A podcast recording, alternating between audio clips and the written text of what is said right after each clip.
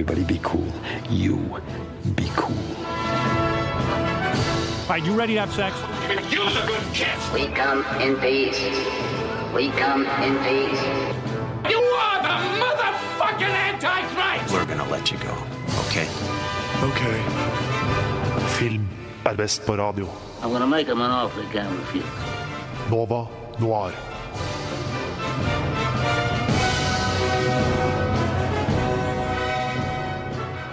Velkommen alle sammen, og nå er det tid for Nova Noir med meg, Tage Rivas Tollefsen. Og det er Black Week, og det betyr at vi skal ha litt sånn Black Week-ish tema.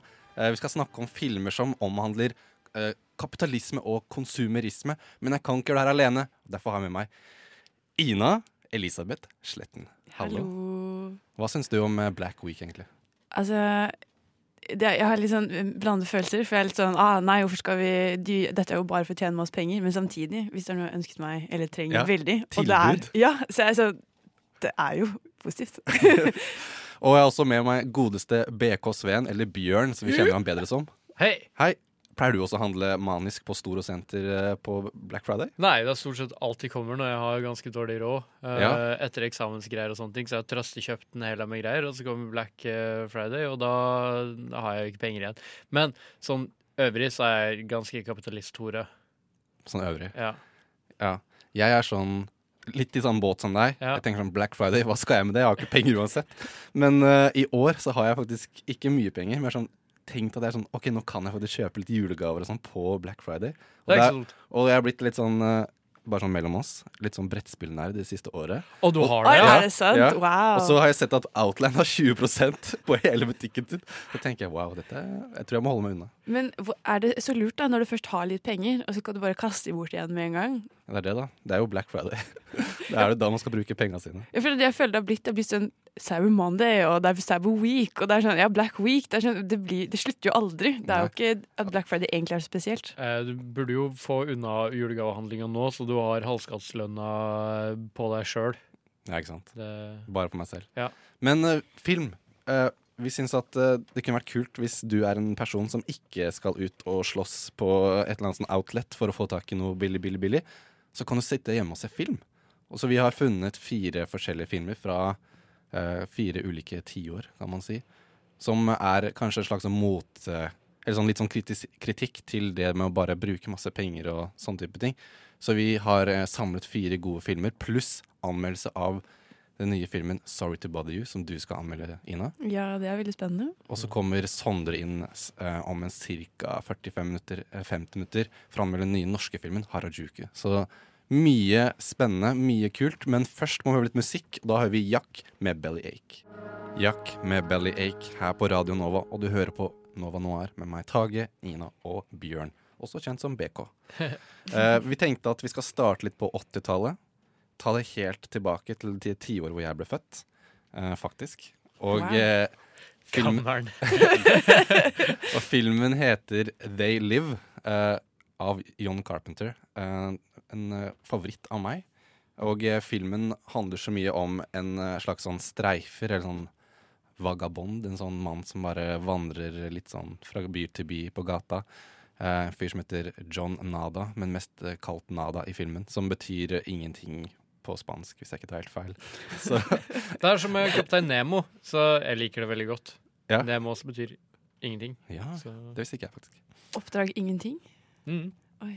Mm, dypt. det er korrekt. Men denne Nada, han ender opp uh, i California med å jobbe sånn construction, og så blir han kjent med en fyr som tar ham med til uh, sånn suppekjøkken som han uh, ender opp på. Og så er det mye som skjer, men så får han tak i noen sånne solbriller, og når han tar disse på seg, så um, så kan man si at han blir våken, eller han ser Han blir våk? han ser det som egentlig eh, Han ser det som egentlig er sannheten. Han, han ser at det er romvesen blant oss, en sånn høyere klasse. Og alle sånne reklameskilt og eh, Altså reklameskilt og TV-plakater og alle sånne ting har egentlig sånne skjulte beskjeder som de bruker til å kontrollere oss mennesker. Og da er det veldig sånn Han kan liksom se en plakat av et par som drar på ferie, så er det sånn når han tar på seg brillene, så står det egentlig bare sånn 'reproduce'. Eller hvis han ser på et eh, reklameskilt, så står det 'consume', 'obey' og 'conform'. så det er veldig sånn derre Det er litt så gøy, for at i dagens samfunn så er det litt sånn at du skal være woke, mens der så var kanskje ikke folk så veldig woke, men når han tar på seg disse brillene, så blir han bokstavelig talt eh, Han kan liksom se det som egentlig er. Og eh, hva, hva tenker du, Ina, om når du så filmen? For du så den for første gang nå nylig. Ja, jeg så første gang, og du legger veldig godt merke til at det er en åttitallsfilm. Eh, fordi Du hører jo musikken i bakgrunnen her, men eh, for eksempel det er en eh, slåssescene eh, som varer i sånn et kvarter eller noe, og det er ingen musikk. Det er bare sånn litt sånn rare sånne uh, uh, lyder. eh, og- det er så sykt sånn typisk sånn 80-tallet, føler jeg. Eh, og han eh, Nada da, har den sjukeste hockeysveisen, som er veldig kult. Den, men man blir jo veldig obs. Uh, og jeg synes at det som er kult med den, er blant de første som begynner å kommentere det forbrukersamfunnet vårt. Uh, og det er det som, det, Den virker kanskje litt drastisk, liksom, og litt sånn crazy, men det var en av de, jeg føler det var en av de første som kanskje gjorde det. Ja. Ja, det er, det er jo Jeg har jo ikke sett den. Jeg bare, den lever i myte hos meg. Jeg har ikke lyst til å se den. Jeg liker bedre å lese om den.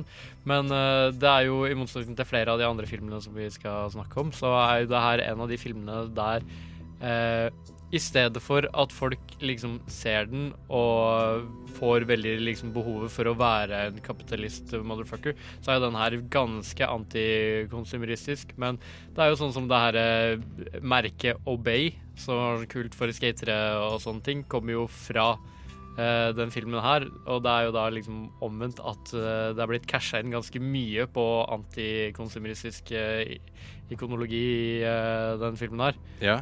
Og eh, det er jo veldig mye sånn Den ble jo veldig en sånn kultfilm Ja. eh, veldig fort. Og det, han, den har jo mye ting ved seg som eh, folk har kanskje hørt eller sett eh, nå, da, som stammer fra den filmen. Så jeg syns det var veldig kult når jeg fant ut av det. Følte liksom at jeg var sånn oh, nå vet jeg noe som Eller sånn jeg liksom fant ut opphavet, da, følte jeg når jeg så den her for første gang. Mm. Og særlig det du nevnte med at han eh, han streetartisten som bruker det, det der Andre the Giant med det Obey under, som Mm. har liksom blitt veldig sånn kommersielt siden. Ja, du ser det jo på liksom alt mulig rart. Mm. Og så lurer jeg på, har dere spilt spillet Duke Nukem? Ja. For, jeg tenkte, jeg har liksom I treeren så er det Kan du som Har han sånn der sitat hele tiden, og da sier han et sånt veldig sånn eh, kjent sitat fra denne filmen. da du tenker på bubblegum? eh, Ja. ja, sånn, I came here to do two things. Kick ass and chew bubblegum. I'm all out of bubblegum. Ja. det er jo, det er jo Fordi det er jo også en sånn ting, fordi han, eh, han som spiller Nada, uh, Roddy Piper, han kommer jo fra også liksom en av de her eh, massekonsumgreiene. Han kommer jo fra eh, fribrytingen, eh, wrestlingen. Mm. Uh, og han uh, tydeligvis fant på den linja sjøl bare fordi han hadde en sånn bok der han bare skrev ned one-linere til å bruke i, uh, i wrestling-intervjuer og sånne ting. Så jeg syns det er jævlig fett. Det som er litt gøy med eh, Eller det er jo ikke gøy, det er litt trist, egentlig. Men det, man kan jo tolke film på mange forskjellige måter. Eh, og eh, det som har vært litt kjipt med The Live, er at den har liksom blitt adoptert av neonazister. Fordi de mener at den egentlig handler om jøder. At aliensene da er jødene som har tatt kontroll over verden. Og det har jo vært litt kjipt. Det, er, det er så typisk sånn neonazister. Skal drive med å ta. Ting, og så bare Nei, det er vårt metafor. Har, Det, nei, det er ikke det. Jeg har eh, vært litt inne i en sånn eh, konspirasjonsbølge nå, og det her med, med aliens og lizard people og sånne ting også, er jo noe som folk faktisk tror og forsker, forsker i hermetegn eh, ganske mye på. Så, og jeg veit ikke helt ekstenten av hva det betyr, men Roddy Piper sa jo at han trodde filmen var basert på faktiske hendelser. så, Ja, men jeg føler at det sier mye om at Roddy Piper var en sånn perfekt person til å spille denne John Nada. Men uh, vi har funnet et uh, intervjuklipp av John Carpenter hvor han snakker litt om hva uh, filmen Eller hva som liksom var tankene bak hvorfor han lagde filmen. Så vi tenkte vi kan høre litt på det. I, I graduated high school uh, in the 1960s. So we had the Vietnam War, and we had musical changes, and we had drugs, sex, and rock and roll, which was great. And it was a great time to be alive. But then by the end of the 70s, there was a backlash against everything in the 60s, and it, that's what the 80s were. Now, Ronald Reagan became president, and Reaganomics came in. And he rekindled the Cold War, and he, he started attacking unions. He fired the air traffic controllers union.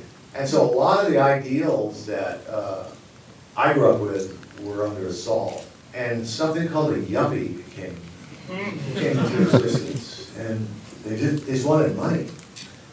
And so by the late 80s, I'd had enough. And I decided I had to make a statement. As stupid and banal as it is, but I made one. So that's the statement.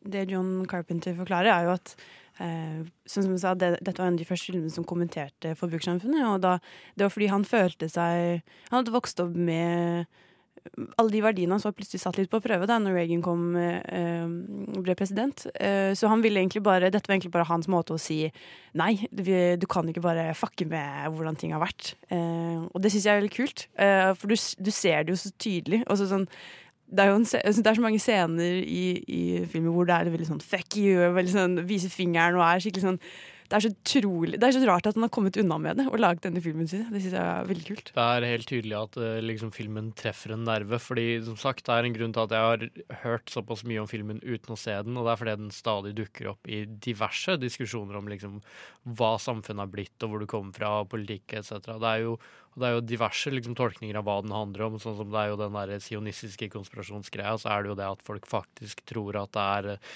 en pinpoint på hvordan samfunnet er styrt av utenomjordiske krefter. Og så er det jo også enkelte som har sagt at det er at Carpenter har en sånn eh, eh, libertarianeragenda, der han eh, egentlig er en forkjemper for nærmest anarkiet der, og at eh, han Nada er liksom hovedpersonen fordi der eh, det, mener, det Carpenter mener er liksom protomenneske.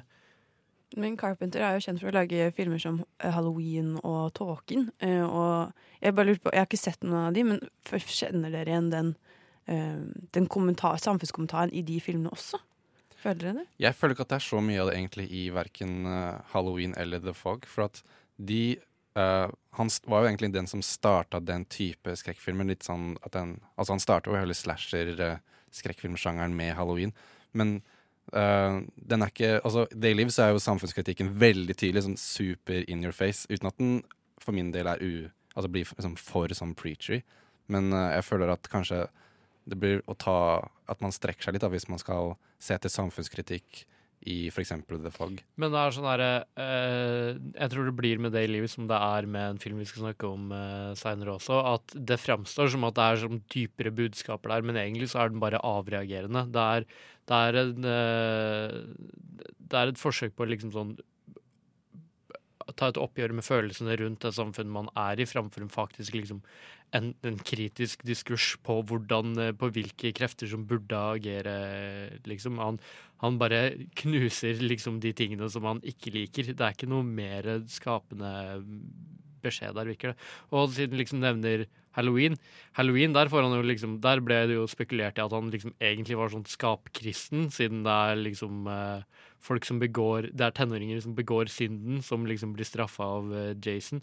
Men han sa jo sjøl at alt han var Av Michael Myers. ja, ja Michael Wires, sorry. sorry. Uh, han sa jo sjøl at alt han prøvde å gjøre, var liksom bare også å være, holde seg så tett opp til det han tenkte på som en genuin portrettering av tenåringer som han kunne. Mm. Så det er jo, Men folk vil alltid lese inn sine egne ideologier Ja, Det er det folk elsker å gjøre, og det skal faktisk vi gjøre kanskje litt mer av straks. Men først skal vi høre 'Pikeskyss' med Håpløs. Det, det var altså 'Pikeskyss' med Håpløs, og vi snakker altså om They Live. Og eh, Ina, du som så den for første gang for ikke så altfor lenge siden, og der kommer Bjørn inn med god kaffe. Uh, jeg uh, Jo, sånn fordi Helt på nytt. Og jeg syns at eh, det som, den der, som vi snakket om, den er jo veldig åpenbar kritisk. Det er jo ikke noe sånn Å, kan man lese gjennom lille her og si at og kanskje egentlig ikke sant? Det er ikke noe sånt. Det er veldig sånn Med en gang han tar opp de brillene, så er det jo ikke det er, Alt er sort-hvitt. Og på plakatene så er det Der står det jo bare 'obey', 'konsum', alt sammen. Og jeg syns egentlig det er litt gøy, fordi det trenger ikke være så sykt skjult. Da. Jeg likte at det bare var sånn. Og det er så sant også, da. Eh, Jeg tenkte over det når jeg leste gjennom eh, en sånn, det er så typisk sånn Dagbladet eller VG eller noe, da. veldig mange av sakene handler jo om sex eller skjønnhet eller kjærlighet, altså sånne type ting. Ja. Eh, og vi blir jo hele tiden fortalt, også gjennom andre filmer, at eh, den der Marion Reproduce er jo utrolig fremtredende i alt vi leser og ser eh, i popkultur. Så jeg, er veldig, jeg forstår jo frustrasjonen til John Carpenter. Jeg er helt enig, egentlig. Mm. Og jeg syns også det er veldig gøy at uh, må, altså, altså, altså disse beskjedene og sånne ting er veldig kult, men jeg syns også filmen er veldig ikonisk fordi at altså, det er så mye som er så rart med den. Altså, du har liksom en uh, fribryter som har hovedrollen, og han har lagd musikken selv. Og som du sa, det er en eh, slåssscene helt uten musikk, hvor to stykker Det ser ut som en sånn fribryterkamp bare i en bakgate, som er sånn overdramatisk og bare sånn det er så overdrevent, og jeg tenker sånn, denne filmen her kunne aldri blitt lagd i dag. Så jeg syns det er så kult at man får liksom Den er en sånn type film som eh, han bare kom unna med, på et vis. Ja, definitivt. Eh, Den der slåssscena er jo De brukte seks og en halv uke på å øve på den aleine. Så at eh, de to som deltar i den slåssscenen, de kunne liksom utenat. De kunne liksom nesten drikke kaffe og, spise kaker mens de holdt på med den slåssscena til slutt. Men det, og det er jo eh, Den ser jo helt vill ut, men eh, det, det er jo det er bra håndverk. Det er, det er godt jobba. Det som er veldig gøy også, er at de, etter kampen så er de jo veldig sånn De har masse blod og sår og sånn. Og så er det bare ett punkt hvor de går til et hotell eller noe, og så neste scene så er bare alt borte. Så er det bare sånn Alt er bra igjen! Er ingenting. Og jeg syns det er så sykt 80-tall. Altså På 80-tallet hadde jeg veldig god helse, så sår og sånn bare ble borte veldig fort. Det er sant, det er før vi begynte med sånn forferdelig mat, og vi bare gikk til helte og sånn. Mm. Det er sant. Men, men vi snakka litt tidligere om at, eh, at det er jo litt sånn uh, det, det med at eksempel det Obey har blitt brukt i senere tid, og så altså blitt brukt uh, som et uh, merke som har tjent mye penger. Og det er jo, veldig, det er jo litt sånn der eh, Et sånn slags paradoks med å lage filmer som er samfunnskritiske, som også tjener penger. Og det er noe vi kanskje kommer til å se mye igjen i de filmene vi snakker om. Men der kommer jo John Carpenter ganske godt inn, for han har jo nesten ikke tjent noen penger. Er, liksom selv, pengen, selv de filmene han som tjente penger, tjente jo ikke han så veldig mye penger på. Og han har jo egentlig stort sett alltid jobba for å få lage sine film. Han har jo takka nei til liksom flere storbudsjettsfilmer enn noen andre eh, noensinne omtrent. Og eh, han eh, han har jo liksom sånn typ laga 40 filmer, det er bare 10 av dem som har gått med overskudd. et eller annet sånt nå. Og, men samtlige er jo kultfilmer. Jeg var inne og så på lista over, uh, over folk som liksom er blitt uh, inspirert av John Carpenter. Og det er jo Quentin Tarantino og Martin Scorsese og liksom Hel er med store navn sier liksom at eh, ja, John Carpenter er ekstremt innflytelsesrik. Så han er jo faktisk den fyren som er kjent for å gå på tvers av kanskje den Hollywood-modellen. Mm. Han var jo litt sånn punkertype og drev med, spilte i musikk, eh, spilte med band og sånne ting før han begynte å liksom bli veldig kjent som eh, Altså han har gjort begge ting samtidig, da, så han har alltid vært en sånn her fuck the man-type fyr. Men jeg føler, som dere sa, dere sa jo ikke at filmene hans uh, har et annet preg, eller sånn, et veldig fremtidende preg av at han er samfunnskritisk. Så det er jo litt rart at han Hvorfor bruker han bare denne filmen til å gjøre det, da, hvis han har muligheten til å uh, gi flere Altså jeg føler Hvis han virkelig mente det, hadde han kanskje laget flere filmer som uh, gikk litt mer til angrep. Ja, men det er, sånn der, det er noe med det der med liksom samfunnskritisk og samfunnskritisk. Altså, hva er det som er samfunnskritisk, og hva er ikke samfunnskritisk? Det er jo, Alle filmene virker forholdsvis avreagerende og veldig eh, Altså, det er veldig filmer som altså, Hvis jeg ser liksom på 'Escape fra New York' og sånne ting, det er jo den samme liksom dystopiske fascistregjeringstingen, der er, men der er liksom kanskje liksom hovedidyllen er bare sånn hvor badass hovedpersonen er, så det er igjen avreagerende. så Altså, Hvis du setter liksom det samfunnskritiske som liksom hovedfokus, så tror jeg ikke du får en sånn veldig Du kan godt hende du får en fin film, men du får ikke noe den sånn veldig sånn Carpenter godstemning-film. Eh, fordi du, altså, du får ikke fokus på på helt liksom det mer banale følelsesmessige platået. Ja, men eh, altså for eksempel, han har også skrevet, lagd uh, The Thing, hvor det da er et eh, romvesen som har kommet, også et romvesen, eh, som har kommet til jorda, og som de tiner opp igjen, og som eh, liksom kan gjøre seg om til andre, og manipulere seg og se til an som andre ting. Og den kom i 82, så den som kom før eh, den her som kom i 88. Men det er en remake av en film som kom i 1955, eller noe sånt noe. Ja, men eh, det som han gjorde annerledes, var at da hans The Thing, hans monster, liksom kunne gjøre seg helt likt uh, mennesker. Mens jeg tror liksom den originalen var det veldig tydelig at her, dette her er romvesenet. Mm. Mens uh, altså det, um, hvor romvesenet i The Thing uh, kunne liksom skjule seg blant oss. Og det er jo sånn litt At det var sånn tidlig At han hadde litt den samme ideen i denne filmen, da, som var seks år tidligere. Det er jo sånn der, Hvis du leser om seriemordere og etc., det er jo det samme. De skjuler seg jo faktisk blant oss. Det er jo bare en sånn veldig Altså, jeg liker det. Han tar liksom Han er tegneserieaktig sin uh, John Carpenter. Han tar liksom uh, det vi faktisk er redd for, og gjør det veldig tydelig. Men de aliensene eh, som du nevnte, eh, det er det, hvor troverdig syns dere filmen er? Sånn, jeg ble sittende og tenke sånn Det hadde ikke vært så sjokkerende egentlig. Du er jo konspirasjonsteoretiker, Jeg er veldig glad i konspirasjoner. Føler ja. du at uh, det er et poeng at kanskje det går masse alien uh, som styrer eh, oss uh, iblant oss? Altså, Jeg syns ikke det er så veldig troverdig, da, egentlig, fordi det er noe med motivasjonen der. Det er jo sånn, De fleste av de alien-konspirasjonene går jo på at nei, menneskelige følelser beveger seg på en viss frekvens, og det gir næring til de her Altså, de gode følelsene våre gir næring til enkelte alien-raser, og de vonde følelsene våre er det som livnærer de onde aliensene, liksom, og det er en he hel greie der. Jeg syns ikke det er ikke det er et godt poeng. Jeg syns ikke det virker eh, sannsynlig. Men det faktum at det finnes bokstavelig talt millioner av mennesker rundt om i verden som tror på akkurat den eh, Day Live-versjonen av verden, må jo liksom Da må det jo være troverdig på et vis for noen. Ja, tenker og så jeg syns også det er gøy at det som gjør at man ser, eh, ser ting sånn som de egentlig er, er bare å ta på seg et par solbriller.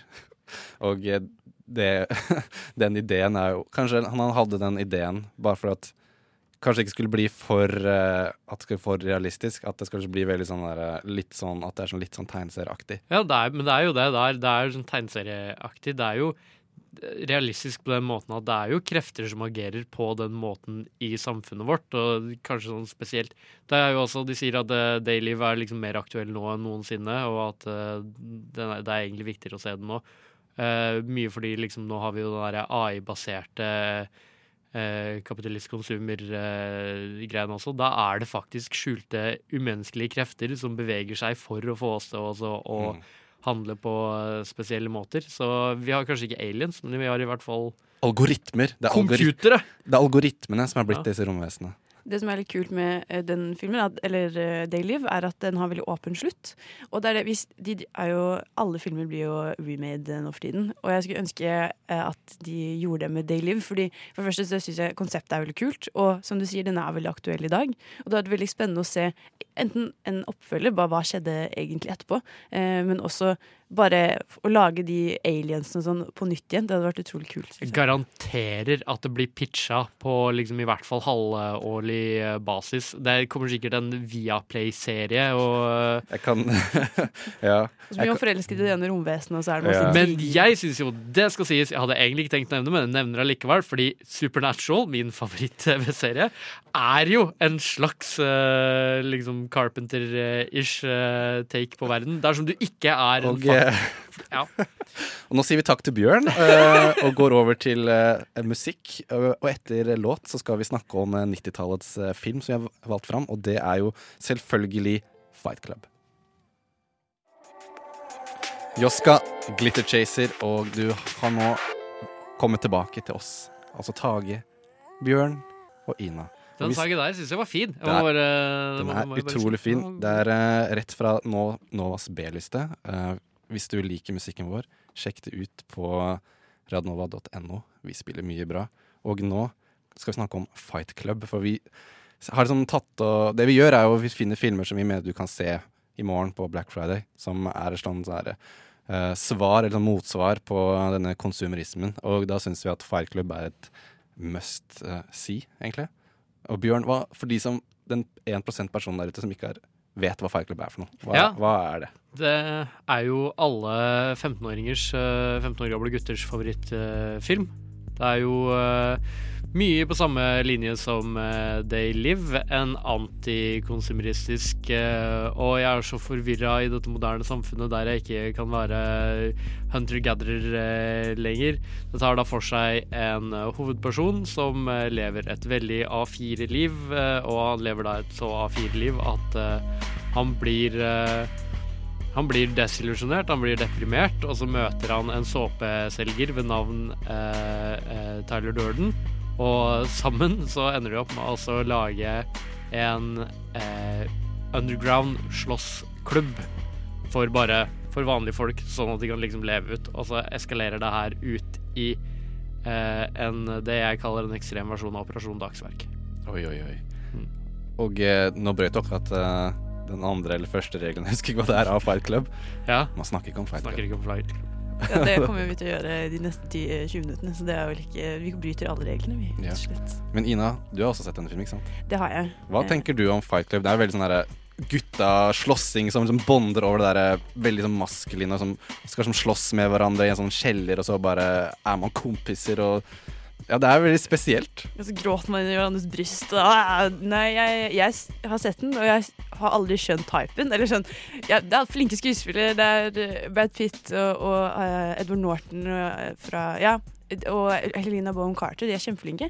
Uh, så jeg så den jo fordi jeg visste at alle hadde snakket om den. Men jeg syns at den kanskje mm, tar seg litt høytidelig, og den der slåssegreien og Det er jo kult, liksom, men jeg syns at den den har aldri egentlig vært en favoritt hos meg. Jeg har egentlig bare sett det mest som et faretegn. Når gutter er sånn 'Jeg får filmen av Fight Club', så er sånn Ja, men da har du jo egentlig ikke sett på film, da. For det er, dette er det eneste, det er det eneste du kan referere til. Det, det er ikke det, det, jeg, må, jeg må sette meg litt på bakbeina der, fordi det er ikke sant. Fight Club er en jævlig bra film. Det, Ja, men det er ikke favorittfilmen din. det, er ikke en, det er på ingen måte en dum film. Det er en kul film. Ja, det er en kul film, men den er ikke så hype, sykt bra som alle skal ha det til å gjøre.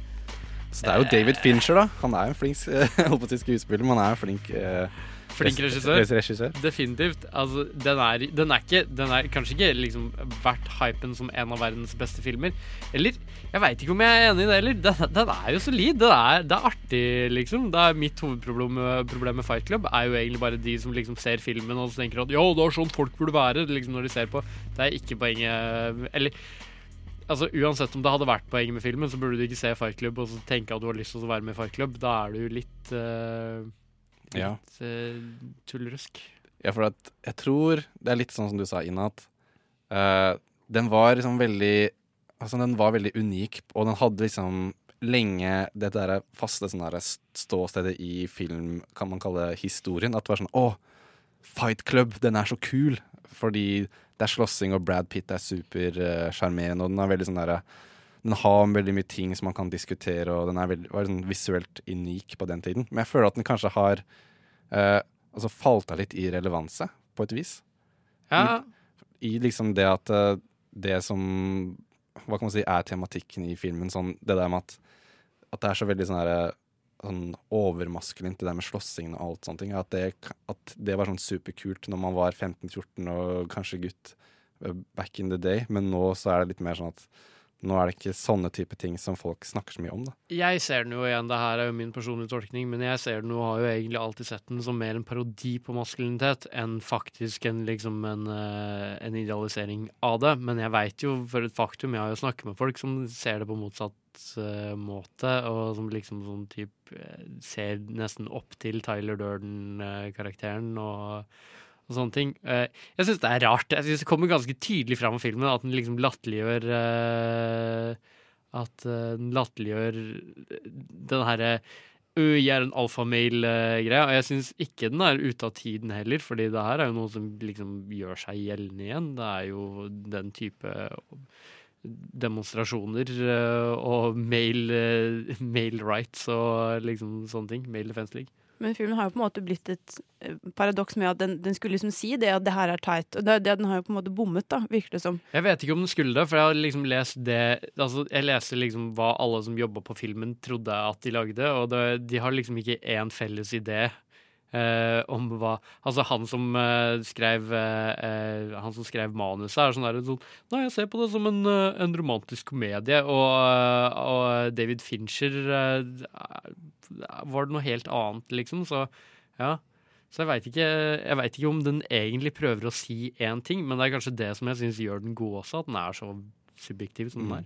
Jeg har blitt fortalt av folk som er veldig fan av boka, som den er basert på, uh, at hele poenget med boka blir jo borte i filmen, for at den er veldig sånn anti-kapitalisme, og liksom veldig De beskjedene som uh, kom fram, eller som var poenget i boka, blir på en måte litt sånn ikke så hovedfokuset i filmen. At det er mye av de viktige poengene som faller litt bort. da. Så det blir jo sånn at, at filmen er litt sånn uh, hyklerisk mot uh, seg selv, på et vis. Ja. Men Det føler jeg flere av de filmene vi har snakket, eller skal snakke om i, i løpet av sendingen, også kommer til å handle om. Da. At, uh, film, men det er jo litt interessant, da, fordi hvorvidt funker egentlig filmer som handler om disse temaene? De, eh, de er jo alle selvmotsigende, fordi eh, filmer er en del av forbrukersamfunnet og en del av den konsumerismen. på en måte. Og Det er det som er, er problematisk med alt sammen. Og det, er det Fight Club ikke klarer at Hvis Fight Club skulle lyktes, så hadde det måttet bli en flopp, nesten. Det ble en flopp. Det var en flopp.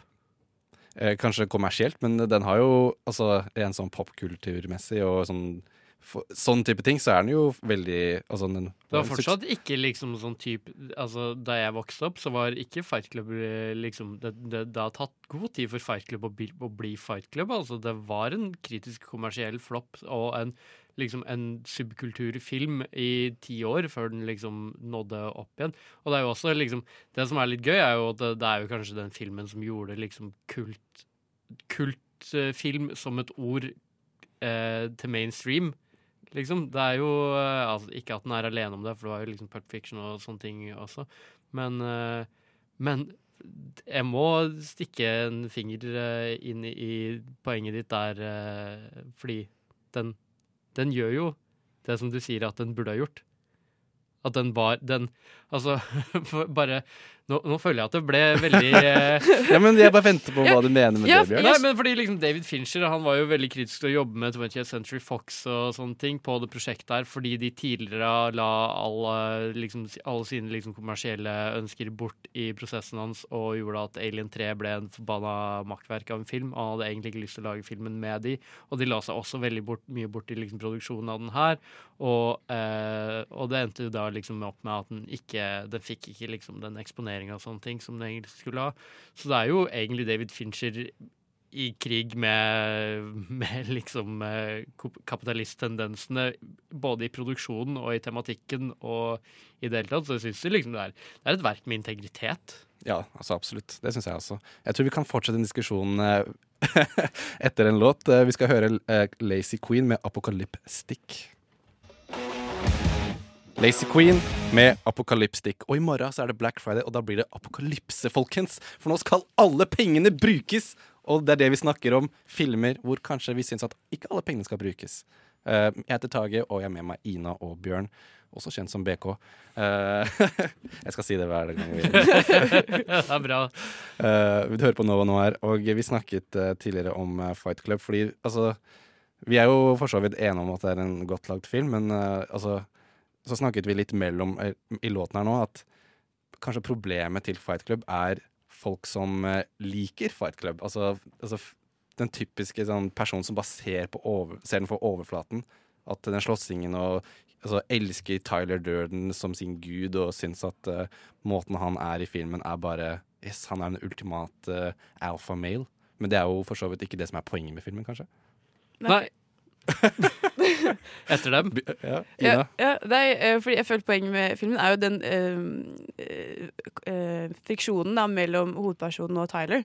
Eh, fordi hovedpersonen er jo Han er jo aldri navngitt, eller sånn i manus var det kaller han for Jack. Eh, og, men han er jo veldig opptatt av materialisme. Og veldig ofte at Han liksom, i starten av filmen forklarer hvordan han liksom sitter og leser Ikea-katalogen og kjøper ting bare fordi han syns det ser kult ut. Og blant annet så sier han ja, hvilket servis er det som definerer meg som person? Sånne type ting. Og det syns jeg er veldig kult, fordi jeg, jeg føler at noen ganger tenker jeg litt sånn selv. at jeg blir sånn, Nå som jeg flytter inn i leilighet og er litt sånn Ja, men hvordan disse stolene her, skal de være eh, lilla eller grønne? Hva er det som mest passer meg? Og det er så sykt teit. Og så har du Tyler som går imot alt dette da, og bare får han til å kaste bort alt sammen. Ja, nå, Men nå er vi liksom ikke inne i det samfunnet engang. At vi liksom leiter etter hvilke IKEA-møbler som best representerer oss. Vi blir jo, vi er, vi er, vi blir jo rasende Når ting ikke er sånn som akkurat vi vil ha det, eller det ikke er muligheten for å få det akkurat som vi vil ha det. Det er ikke jakten etter ting som liksom eh, identifiserer oss lenger. Det er, det er kravet om ting som liksom lar oss identifisere oss.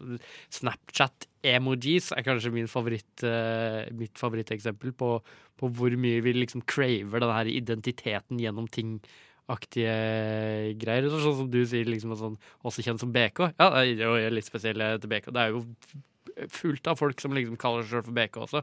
Men jeg føler at det, det er min, min tag. Og det er jo den jakten på den tingen der. Ja, At identiteten vår er de tingene vi eier, på et vis. Uh, ja. Men eh, altså Så er det jo også det liksom at vi er del av uh, undertrykkende samfunn som aldri liksom lar oss bli oss sjøl på en eller annen måte. mm. Men jeg syns jo at Fight Club på mange måter er en veldig god film. Altså Regien jeg syns jeg er utrolig god. Altså Det er en veldig sånn uh, rewatchable film, for at den har, sånn, har et sånn der visst sånn tempo og uh, veldig godt skuespill og karismatiske eh, altså, karakterer på sin måte.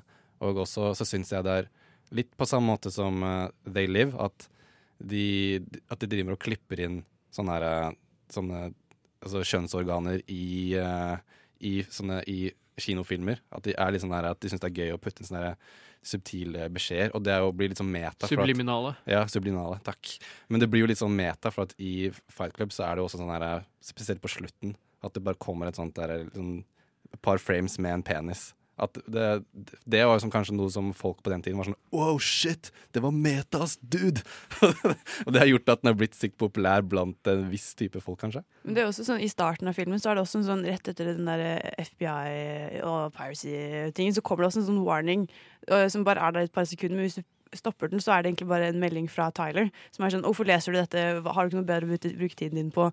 Uh, slutt å lese det her.' Og så, men fordi du bare fortsetter å lese, så blir det bare Alt er selvmotsigende jo lenger du kommer og sånn. Og det syns jeg også er veldig kult med den. da den den, tar, den er jo veldig meta, uh, at den liksom, snakker veldig direkte til deg, da, selv om Ja, det Ja. syns jeg er veldig kult. Hvis vi skal gå på liksom hva Fincher sier er liksom poenget med filmen, så sier han at det er liksom en coming of age-story der generasjon X, den første generasjonen til å bli eh, oppdratt av TV-en, møter eh, liksom eh, Møter liksom voksenlivet og må ta et Altså det er et coming of age ikke for å liksom fra tenårene opp til 20-årene, men for en person i 30-årene. Og han Rent spesifikt så var det ting som han gjorde, var at han nekta liksom eh, 20th Century Fox også reklamere veldig mye med eh, Brad Pitt. Fordi eh, han ville ikke Fordi de, produksjonsselskapet anså det liksom som at det, var en film for eh, et maskulint eh, miljø, og det var ikke David Fincher enig i. Så, David Fincher enig så så det Han har i hvert fall ikke i DNA-en som liksom den erketypen for det maskuline Mm. Og jeg leste også når jeg researcha til uh, den sendingen, at nå i det siste så er det noe, noe som heter sånn eh, incel movement. At folk som er ufrivillige i sølibat. Og de har som tatt Fight Club som sin bibel. Og at uh, forfatteren mener at det er uh, At en av grunnene kan være at menn har så få metaforer i popkulturen at de er liksom det er så typisk at de misforstår og tar den her til seg. Da. De har liksom den og The Matrix og kanskje Dead Poet Society, hvor det er masse gutter som bare går i en hule og leser dikt for hverandre. At liksom eh, eh, Det er mange menn da, som mangler eh, en slags sånn her, eh, sånn god metafor, eller sånn gode filmer med metaforer hvor de kan som relatere til seg, som ikke bare er sånn slåssing og gutta skal liksom bonde over sånn type ting. Jeg syns det er kanskje mer enn at det mangler metaforer for menn, så mangler det metaforer for menn som har veldig lyst til å synes synd på seg sjøl. Det er kanskje det som det er veldig eh, jakt på her, fordi det er jo det liksom, jeg føler Fight Club er. er eh, det er jo i min bok en kritikk av det miljøet, men også dersom du har litt lite liksom sjølinnsikt, kanskje, eller sjølironi, så vil du jo liksom bare se det som at å, fy faen, det er jævlig undertrykkende å være mann i dagens samfunn. eh, altså, Jeg får ikke lov å være mann, og jeg blir ikke respektert som mann, og liksom hele den greia der. Mm. Det handler jo også litt om den, eh, at gutter ikke kan gråte også, selvfølgelig. Den der, eh, sånn som når han drar til de eh, timene og sånn, og de eneste gangen han får mulighet til å liksom gråte, er når han er i armene til han Bob, for eksempel. Da. Mm. Eh, og sånt at eh, menn blir hele tiden fortalt at de ikke kan vise disse følelsene. Så det er som sagt, den maskuliniteten som vi snakket om i stad, det er jo eh, en mer sånn 'dette skal få lov til å bli mer lov', da. Eh, og det, er, det skjønner jeg, da, da folk bruker denne filmen til et eksempel, da, til å eh, rettferdiggjøre menns følelser. Ja, det er mye man kan si om Fight Club. Eh, Jeg tenker at det er en film som er veldig god, og, eh, men når du ser den, ikke bare ta den for sånn face value, du må tenke litt, og det er en film som eh, eh, hadde, har hatt mye å si, føler jeg. Og, men jeg tror også kanskje grunnen for at den ble så over eh, sånn glorifisert, er at for folk som eh, Altså, den hadde en sånn veldig stor twist på slutten, uten at vi trenger å si hva den er. Men de fleste vet det. Men jeg tror at det var også en, en av de første filmene som hadde en sånn stor sånn herre What?! Jeg så ikke den komme! Og så bare sånn, oh shit, nå, Når du ser den på nytt, så ser den helt nytt lyst. Så liksom, for mange så var det et sånt eh, fenomen da, som gjorde at den liksom har liksom satt sin rot i popkulturen. Det er jo eh, altså nyere serier Altså, det jeg skal si, er at Mr. Robot låner jo ganske tungt av det, og det er jo et veldig interessant liksom, plottpoeng, det her med multiple personality-greier. Mm. Eh, og nå så skal vi snart få ukas første anmeldelse. Det er altså Sondre som kommer inn og anmelder filmen Harajuku. Uh, og nå skal du høre Alex, The Burn Marks on My Epiano Won't Go Away. Buzzwipers Palace, og nå blir det ukas første filmanmeldelse av Sondre, og vi skal anmelde filmen Harajuku.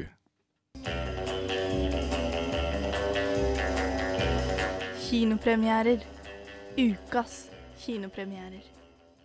Og da har vi fått eh, Sondre inn i studio. Velkommen, Sondre. God morgen. Eh, du har jo vært og sett den nye filmen, eh, norske filmen faktisk, Harajuku. Ja, stemmer det. Jeg kan begynne med å si at jeg irriterte meg over at det var ingenting fra Harajuku i den filmen. Det var fra Akahibara, så det var en veldig sånn annoyingly inaccuracy som jeg så under hele filmen. Vet du hva? Hva var det du akkurat sa? Hva Ok, for folk Det handler om bydeler. Altså, det er to bydeler i Det er Tokyo. sykt. Det var litt sånn eh, Tokyo-nerding der, for Hara Harajuku er en bydel i Tokyo, og det er også Akihabara. Ja. Men i okay. hvert fall. Men ja, det er jo eh, et nytt norsk drama regissert av eh, Erik Svensson. Um, og med ganske, en ganske fersk skuespiller i eh, hovedrollen. eh, Ines Høysæter Assersson, eh, eller hvordan enn du uttaler navnet hennes. Eh, og Nicolai Kreve Broch og eh, Ingrid Olava, som eh, eh, på en måte kommer og støtter opp under det. Eh, den er ganske spesiell. Den var ikke det jeg helt forventa. Eh, jeg hadde jo ut ifra navnet og traileren og det jeg hadde lest, forventet litt mer sånn eh, klisjé-anime-aktig greie om ei jente som ikke helt eh, har sin plass her, på en måte, i, i Oslo, da. Um, for den starter jo med at du blir introdusert til uh, hovedkarakteren eh, Vilde uh, og mora som kommer hjem med et juletre, for det her foregår på li lille julaften uh, i Oslo. Um, og det starter ganske med at du får en ganske smakfull, noe som jeg vil trekke fram, en ganske smakfull eh, subtil måte å vise at mora er bipolar. Eh, fordi at du, det blir droppa litt hint om det, og at eh, hun er alenemor for Vilde, da. Mm. Og at de derfor eh, har et litt spesielt forhold. Eh, mora påpeker hele tida mens hun sitter og eh, sminker seg med en japansk, eh, sånn japansk-inspirert sminke inn på rommet som er fullt av anime-plakater. At eh, 'Å, du er den vakreste jeg vet', og eh, Ja, de har et litt skjørt forhold, da, på en måte. Mm. Um, men filmen tar en ganske hard vending, fordi at uh, hun uh, får plutselig uh, Når hun er på Oslo S og henger eh, på Spor 19 i lag med de andre emo-kidsene, får hun vite at uh, det har skjedd ei ulykke, og da blir hun tvungen til å ta kontakt med, med faren sin, eh, Nicolai Kleve Broch. Mm. Og vi kan høre et lite klipp for å sette tonen. Unnskyld? Er det du som er Vilde? Lurte på om du kunne bli med oss en liten tur? Hun var for skadet. Nei, jeg skal ikke på fosterhjem. Er det noen andre vi kan ringe? Hva med faren din? Nei, nei. Det er Vilde. Det har skjedd noe. Alt bra? Ja, Ja, Jeg har ikke noe pappa.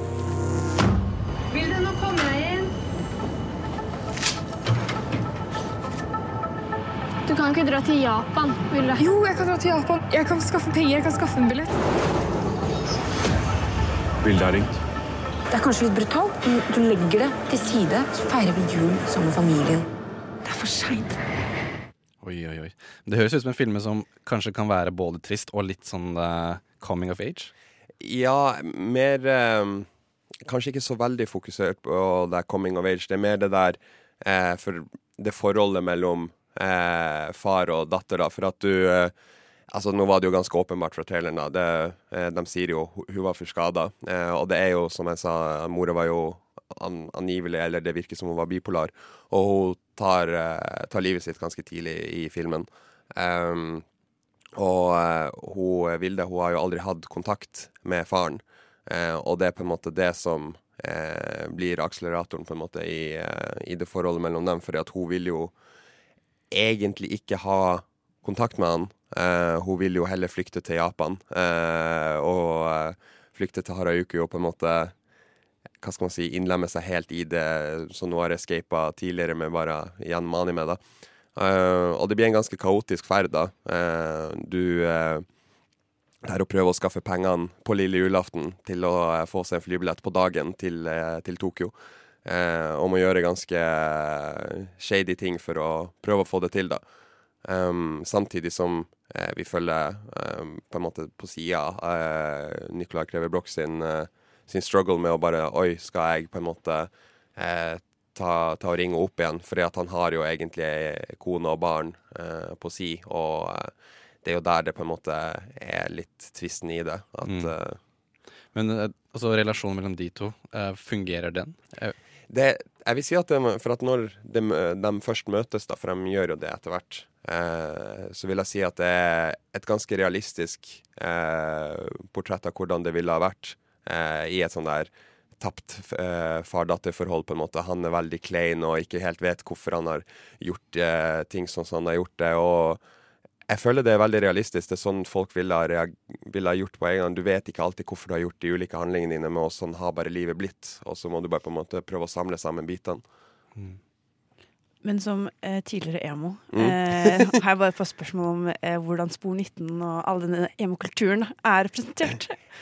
Helt ærlig, så, som også tidligere emo, eh, så vil jeg si at den var ganske OK representert. Eh, det er et samhold av masse weirdos eh, på tvers av litt sånn subkulturer. Gjør de narr av det, liksom? Nei.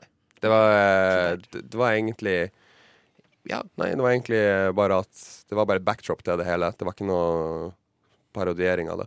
Men dere kommenterte tidligere det der med Japan og de byene og sånn. Eh, føler du at Har det en stor del? Den, det at hun skal dit, har det en veldig stor Egentlig ikke. Eh, fordi at det, det det blir brukt som, er at eh, det er flere sekvenser på en måte som virker som Når det aller mørkeste i filmen kommer fram, da, så eh, blir det gjort om til en utrolig vakker eh, anime-stil, så alt blir liksom eh, tegna. Eh, så det da er Oslo som backdropet som er tegna som det. Eh, og det er vel mer der, med enkelte sånne småklipp fra fra Tokyo, uh, som blir blanda inn i det som egentlig er alt som har med Tokyo å gjøre. Ja, men er- det er jo en film som mange kanskje ikke vet hva var for noe, når man i utgangspunktet. Hva, hva tenkte du om det når du skulle gå inn i filmen? Nei, det, hva du tenker? At, Nei, som, altså, At man ikke visste helt hva man gikk til? Nei, det, det var det. Jeg visste jo ikke hva jeg gikk til. Jeg forventa jo et Jeg et litt mer sånn der halvlystig, eh, litt quirky familiedrama. For jeg hadde helt ærlig talt ville gå inn i den ganske uforberedt, for at jeg er ganske skeptisk til norske filmer. Hadde jeg eh, sett alt den skulle handle om på forhånd, så hadde jeg Mm. ødelagt det litt for meg selv. Uh, men den er utrolig mørk, og den viser liksom bare i løpet av 24 timer hvor fort opp og ned livet kan, kan gå. da. Det, hun treffer virkelig noen bunnpunkter og noen Ikke si høydepunkter, men mer øyeblikk der det virker som det kan bli litt håp, da. Mm.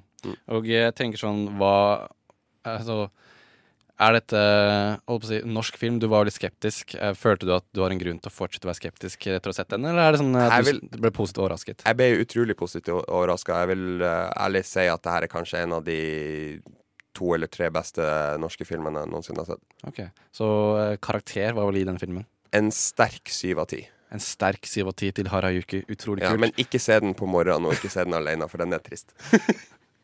Eh, takk, og jeg vil bare si en, en liten kritikk til eh, hvem enn som eh, Altså filmskaperen. Du kan ikke kalle en film Harajuku og så aldri være i Harajuku. Du kaller Ja, det var det- det irriterte du meg under hele filmen. kaller filmen for eh, Grünerløkka, altså aldri være Grünerløkka. Det går- her er jo selve basisen for morsom trivia. Ja, ikke sant.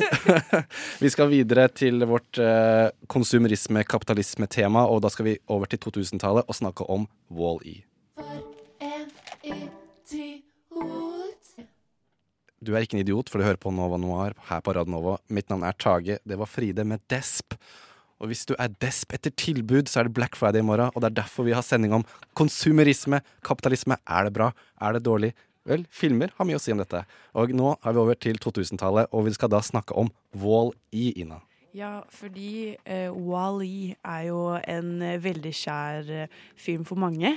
Som handler om uh, Det er liksom i framtiden, da, hvor det går ikke så bra med jorda, liksom. Jeg tror, jeg tror året er 2800 et eller annet. Ja, og da var det sånn at 2070 eller noe, det var da, jorda, da, da menneskene forlot jorda og fløy opp i verdensrommet, og det er der de bor da. Og så følger de jo da Wally, som er denne Han er en søppelrobot. Han liksom kjører rundt og samler søppel, og så bygger han disse bygningene nesten da, av søppel. Bare for å, men han er jo mest sannsynlig den eneste som fortsatt fungerer. Eh, og plutselig så kommer det et romskip eh, ned til eh, jorda, og da møter han den superbabe-roboten Eve, som sitt eget eneste formål da, er å finne levende eller planter på jorda. Og det gjør hun jo, og så blir Wald med på en reise opp i verdensrommet til der hvor menneskene nå er, for å liksom forklare at det finnes liv på jorda igjen. Det er, etter 700 år så er det endelig på tide å komme tilbake. Ja. Det er, jeg vet ikke, har, Hva slags forhold har eh, du til den, eh, Tage? Uh, det er en film som jeg syns var veldig Unnskyld meg. Annerledes. veldig sånn utypisk sånn Pixar-film. Det var altså, det er en veldig lang sekvens på starten hvor det er helt stille, hvor Wally bare gjør sin greie. Og jeg syns det er en sånn morsom twist ved at han er en robot som er, kan, er sånn veldig menneskelig. Fordi det er jo søppel og, og ting overalt. Og liksom, på den tiden så var, var det da Mac for eksempel begynte å bli veldig populært. Sånn uh, iPad og sånt, nei, iPod og sånn type ting. Jeg husker at det er en veldig morsom ting helt i starten hvor han finner en sånn eh, Macbook eller et eller annet sånt, som han åpner opp, og så er den her du-du, den lyden. Yeah. Og så er han sånn Ja, det her er bare noe søppel. Så finner han sånn her liten sånn sånn andre ting som han syns sitter mye mer pris på. Så det syns jeg er veldig kult.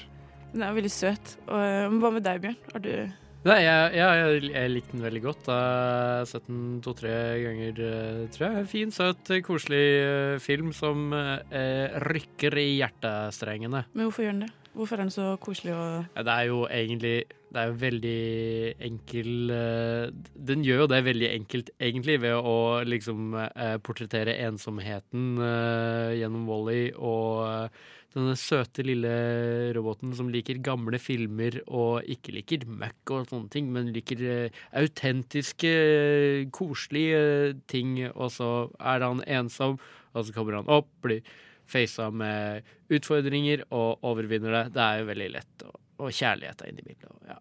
Ja, fordi Wally er jo rett og slett en romantisk komedie. Med måten, den sekvensen hvor Eve er sånn i lockdown, for hun har funnet den planten, så er det jo bare en sekvens med hvordan Wally prøver å ha sånne fine dates og eh, bare være skikkelig koselig. Og det er, det, er, det er så tragikomisk, da. eh, Og utrolig fint. Og så er det den hvordan han liksom reiser etter henne, og eh, den verdens fineste scene hvor de eh, snurrer rundt i verdensrommet. Mm. Og med musikken til Thomas Newman, som vi hørte nå, han som også har laget musikken til Neamo og, og Finding Dory, eh, så blir det bare utrolig vakkert, da, hele den sekvensen. Eh, for jeg syns at det finnes jo mange sånne eh, filmer i verdensrommet som eh, ikke har kanskje tatt den hvor vakkert Eller den derre eh, stemningen, da. De har alltid hatt den stillheten, men i Wally så har de mer den når de danser, og den musikken er så utrolig fin, syns jeg. Men jeg syns det er litt interessant, for at eh, som du sier, så er det en veldig sånn Det er en veldig dystopisk film. Altså, du ser jo jorda med bare søppel og ting overalt. Det er sånn, de har forlatt jorda. Og eh, nå som det er så mye altså, Vi snakker så mye om eh, forurensning og at jorda går til helvete. Global oppvarming, climate change osv. Så, videre. så uh, er det jo for så vidt litt interessant at denne filmen viser på sett og vis kanskje en mulig fremtid. Eller sånn veldig sånn Jeg føler at den er veldig sånn kritisk til hvordan ting faktisk er uh, nå om dagen. da Eller da, når den ble laget.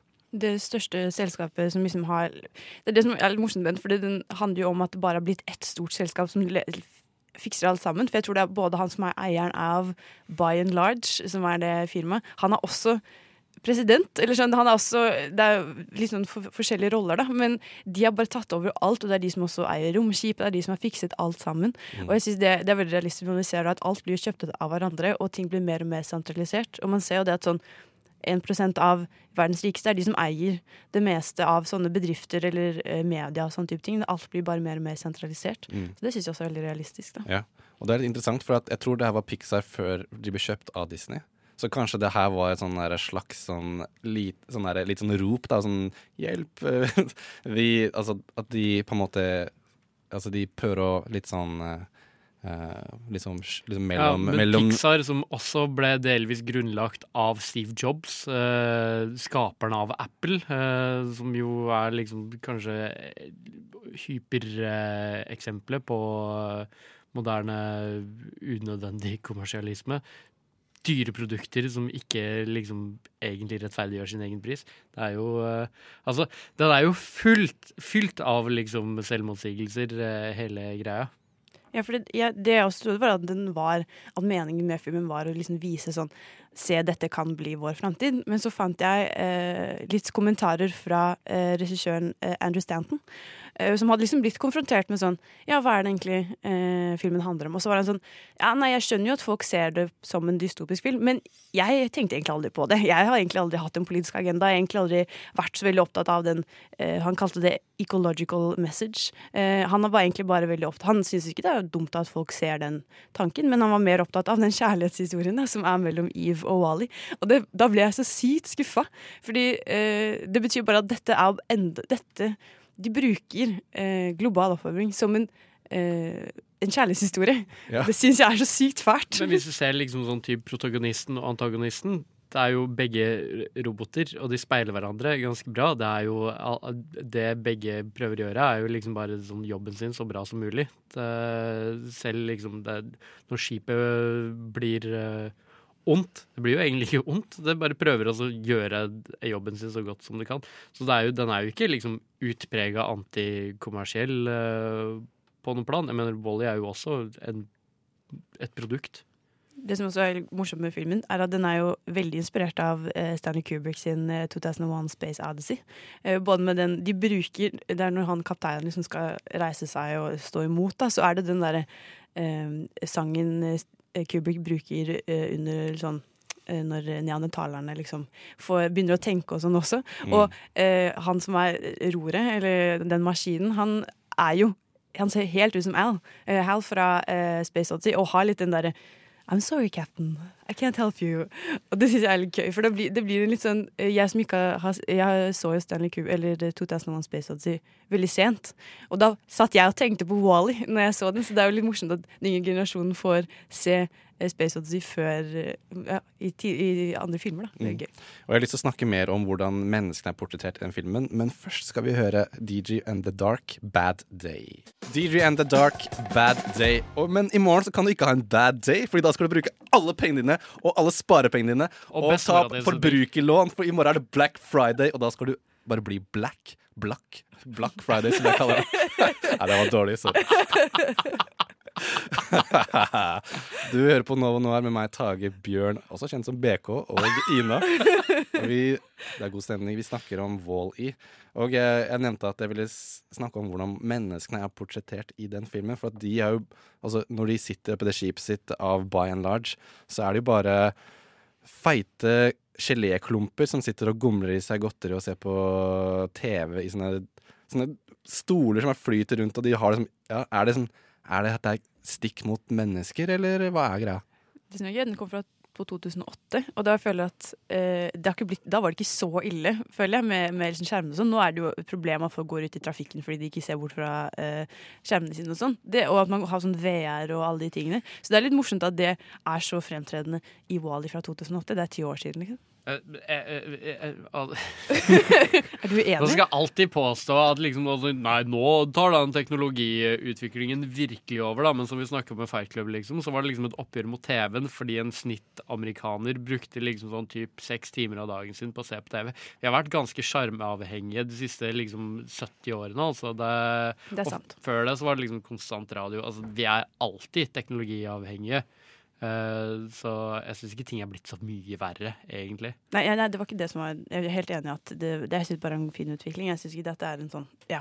Men det som også er litt gøy forklart i eh, filmen, er um, fordi de er jo veldig feite, eh, og eh, det, er ikke sunt i det hele tatt. Men de prøver jo liksom bortforklare det litt i filmen, for da er det sånn Ja, av lite gra eh, gravitasjon så er det sånn at bena har blitt min, flyter fra hverandre, og derfor det er mye, mindre, mye mer plass mellom bena, og det er derfor de er så feite, liksom. Ja. Så er det sånn Nei, det er jo fordi de bare sitter og spiser mat ut av kopper, fordi det finnes ikke mat lenger. Alt er bare sånn smoothie Ja. som de spiser som svære kopper. Det, er- det er ganske fælt. Jeg føler det er liksom sånn typ Etter at vi måtte ut i verdensrommet, så, så bare sånn begynte alle sammen å trøstespise, på en måte. Mm. Det, fordi, å, vi har mistet jorda, og det er synd på oss. eh, Vi spiser mye is-aktig. Men jeg lurer på um, La oss si at Elon Musk eh, At om noen uh, tiår så er det liksom lett å dra til Mars, og, vi, og så blir det sånn kollektiv avgjørelse at eh, Vet du hva, vi har fucka jorda opp, vi, så vi bare flytter til Mars, og så lar vi jorda bli igjen.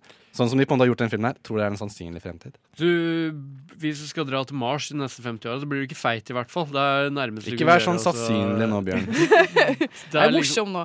Vår tids eh, utgave å liksom faktisk prøve å kolonisere nytt land, så det er jo litt det motsatte av Men det er jo sånn Wally er jo mer sånn derre Mer på uh, praktikalitetsplanet, så det er mer, jeg syns det er mer sannsynlig at vi blir feite og kjører Segway overalt på jorda. Enn at vi gjør det i eh, verdensrommet. På, I verdensrommet. Ja. Ja. Men du nevnte jo litt at uh, altså, regissøren ikke var så opp sånn Han var ikke så woke, for å si det dårlig, når, han, når han lagde filmen. At, at det For vi snakket jo litt om research, at uh, vi syns det er litt hyklerisk at de kritiserer masse ting og sånn, som masse søppel så videre, men så lager jo de Pixar og Disney og så videre sånne søte karakterer for at de skal selge leker og alt mulig merch. Kan jeg, fordi, altså det her binder opp, så kan jeg bare eh, Ja, ja. spinne litt ut av kontroll et lite øyeblikk? Fordi, Litt ut av kontroll. Litt ut av kontroll, fordi det er jo det her med at uh, Wally er jo en sånn Det blir jo bare laga for å selge leker, er, blir du argumentert for. Og uh, en annen Pixar-ting er jo og Toy Story, og der er det jo leker som har kontrollen, og leker er jo egentlig liksom bevisste. Og det er jo en konspirasjon på at det som egentlig ødelegger jorda, er eh, det store lekeopprøret. Eh, Så det er krig mellom lekene og menneskene, og det er det som lager alt søplene. Og menneskene flykter ut i verdensrommet, og Volley sin egentlige rolle er egentlig bare å drepe leker. Ja, men Nå begynner du å spinne inn den der konspirasjonsteorien Bjørn, om at alle Pixar-filmene er i en I sånn samme- timeline. ja. I sånn shared universe. men hva tenker du, Ina? Om, Om- eh, at det der leker eh, Altså at det er litt sånn paradoksalt. Jeg syns det er kjempehyklersk, og det er, det som liksom, det er derfor jeg så filmen. Så var jeg sånn, åh, fint at de prøver liksom å fikse det, men så er det jo det at de selger jo eh, la, oss si, la oss se på Moana, for eksempel. Alle sånne filmer har jo eh, sidekarakterer, eller sånne der companions, på en måte. Bare for eh, at de skal kunne selge eh, leker og sånn etterpå. Og det syns jeg så Det blir så lite troverdig, da. Og i hvert fall når du får høre at han eh, Stanton ikke mente Eller var sånn, ah, ja, da var det helt tilfeldig at dette ble en litt sånn dyp film. Det var Morsomt at folk tenker det, da. Jeg syns det er koselig allikevel. Ja. Men eh, vet du hva, Wally det er en søt film. Du kan uh, kritisere ditten og datten, men den er bra lagd, og den er veldig koselig. Og uh, jeg tenker at uh, av og til så trenger vi bare slappe av og se på to roboter bli forelska. Men nå skal vi høre Grape Tooth med Imagine On. Imagine On av Grape Tooth. Du hører på Radio Nova, og programmet er Nova Noir for de som elsker film. Og nå er vi over til 2010-tallet, og nå hører dere kanskje noe som er et hint til hvilken film vi snakker om nå. Ja, vi skal snakke om uh... Nei, Bjørn, den holdt ikke lenge nok. Du trakk deg. Jeg trakk meg. Ja. Det, var, for, det var litt flaut. Det var altså McConaughey i hvilken film da? Det var uh, Wolf of Wall Street. Yes. En veldig morsom, veldig on topic eh, film som egentlig bare handler om Ja, det handler om de mørke, grådige kreftene som lurer i kroppene våre, og mennene som lar det overrumple og ødelegge verden. Fordi Wolf of Wall Street handler jo da om en ung stockbroker. Så er det et markedskrasj. Han får en drittjobb og finner da et smutthull i den der drittjobben til å tjene veldig mye penger på naive mennesker sin eh, bekostning. Og det er jo da eh, Leonardo DiCaprio i hovedrolla som Jordan Belfort. Det er jo også veldig viktig å nevne at det her er faktiske hendelser. Det her er noe som skjedde. Mhm. Det er visstnok de tingene som du ser i den filmen der du tenker at det, nå tar dere litt over toppen. Nei, det er faktisk ting som de gjorde, eh, visstnok. Eh, det er helt sjukt. Jonah Hill er også med. Fantastiske Jonah Hill, som jeg elsker. Margaret Robbie, kanskje gjennombruddsfilmen hennes. Så absolutt. Matthew McConaughey, som nevnt, og eh, Kyle Chandler som, eh, som FBI-agenten. Jeg er ikke helt sikker. SEC? Ja. SEC, tror jeg kanskje er. Ja, det er i hvert fall eh, En fyr i dress som er slem. Eller slem i gåsehudene. Slem for vår i hvert fall protagonist. Ja. Men altså, det er jo Martin Scorsese, og jeg tenker at den filmen her er på Jeg syns at den hadde mange fellestrekk med Goodfellas, i måten den forteller en slags Altså, den er egentlig ikke så kritisk, føler jeg. Den bare forteller eh, en slags historie, eller portretterer en karakter gjennom denne reisen, og hvor galt eh, det kan gå, for så vidt. Men du har også sett den, Ina? Den, det jeg liker med den, er at den um, han, når hans, Det er ingen unnskyldninger da, for måten han oppfører seg på. Uh, Jordan er jo skikkelig fæl, eh, og går fra å være denne litt sånn forsiktig, litt sånn eh, Ja, jeg har jo lyst til å tjene litt penger, da, og liksom vil liksom gjøre det bra og ha liksom kone og sånn, og så plutselig bare blir han helt gal, sakte, men sikkert, da, eh, og mer og mer grådig. Eh, og jeg syns det er en veldig fin eh, for- eh, forklaring da, på hvordan, dette, hvordan den plutselig skjer. At han du kan være så god, da, og så plutselig så bare forsvinner du i alle pengene og alle de mulighetene du har. Men det er det jeg liker, da, at han eh, Martin Scorsese gir deg ingen sånn å ja, men er, Han gjør det fordi kundene er kjipe, eller han gjør det av det og det og det. Det er bare sånn, Nei, det er ingen eh, gode grunner til hvorfor han oppfører seg sånn, men det trenger du ikke heller. Det er ikke poenget med denne filmen. da. Nei, han skal tjene penger, han skal være toppdog, han skal være alfahannen. Han skal være den fyren som liksom får det til der alle andre feiler. Og han går liksom I den grad det er noen positiv karakterisering av den hovedpersonen her, så er det jo egentlig bare sånn hvor mye vilje han har til å få gjennom uh, Altså fra et nitsjiansk eh, perspektiv så har han jo virkelig vilje til makt. eh, må man si. Der spant jeg litt ut av kontroll igjen. men, eh, men ja, det er, jeg syns det er bare en så underholdende fortelling om, eh, om noen som liksom er Og det er jo også typisk Corsese, bare noen som er liksom besatt av en idé eller et ideal eller et Mm. mål. Mm. Og han Jordan Bell, uh, Belford, Belford, han er jo på et vis eh, manifesta... Manifestasjonen, ja. Takk. Altså, jeg liker at dere kjenner når jeg bare breaker eh, sammen. At jeg ikke klarer å si et ord.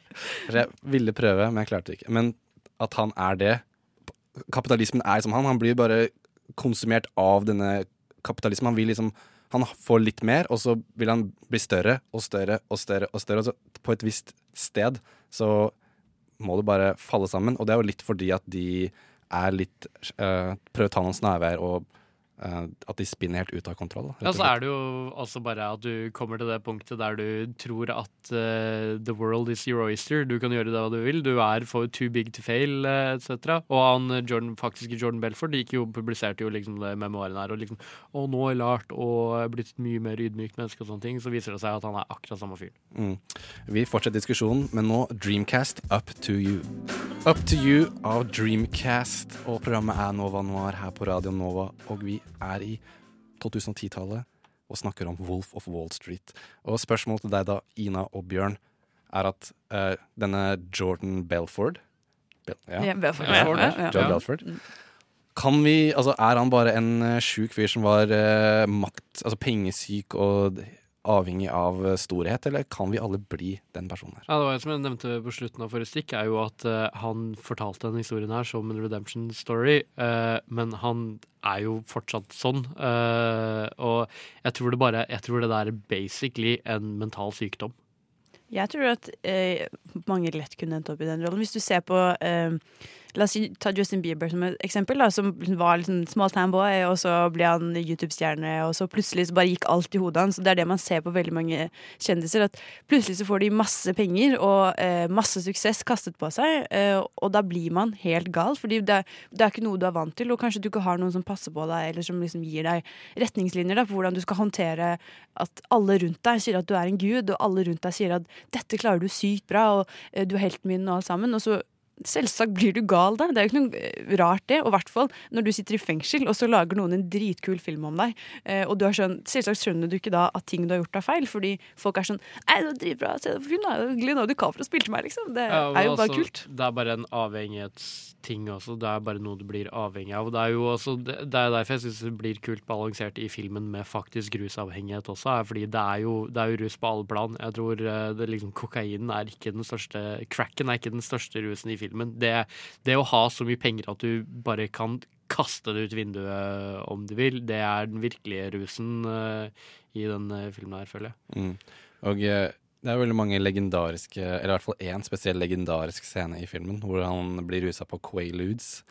og rett og slett ikke kan Altså, han blir jo helt tilbakesatt i alle bevegelser og alt som heter funksjonalitet. Og det er kanskje er det, Altså, Vi snakka litt med teknikere her, syntes at filmen var dritkjedelig. Men er det, sånn, er det en kjedelig film, eller blir vi liksom blendet av at eh, altså, skuespillet er så bra?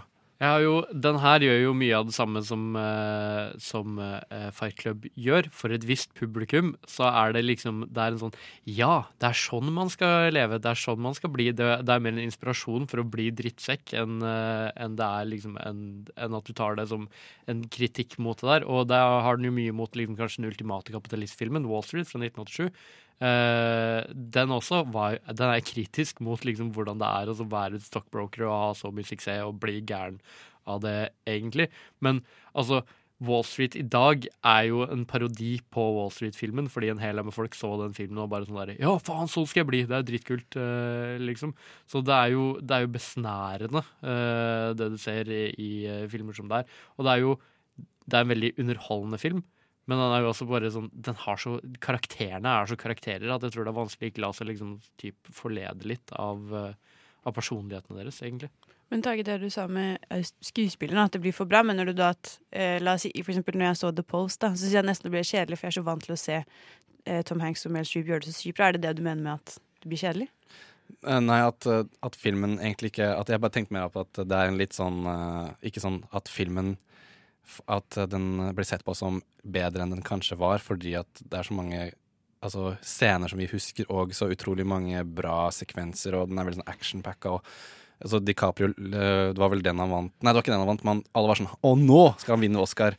Spesielt bare for den Quaalude-scenen, men så gjorde han ikke det. Men at det er liksom eh, fremførelsen av skuespillerne som hever filmen til noe mer enn den kanskje er, da, hvis man bare ser på liksom ser på regien og manus og sånne type ting.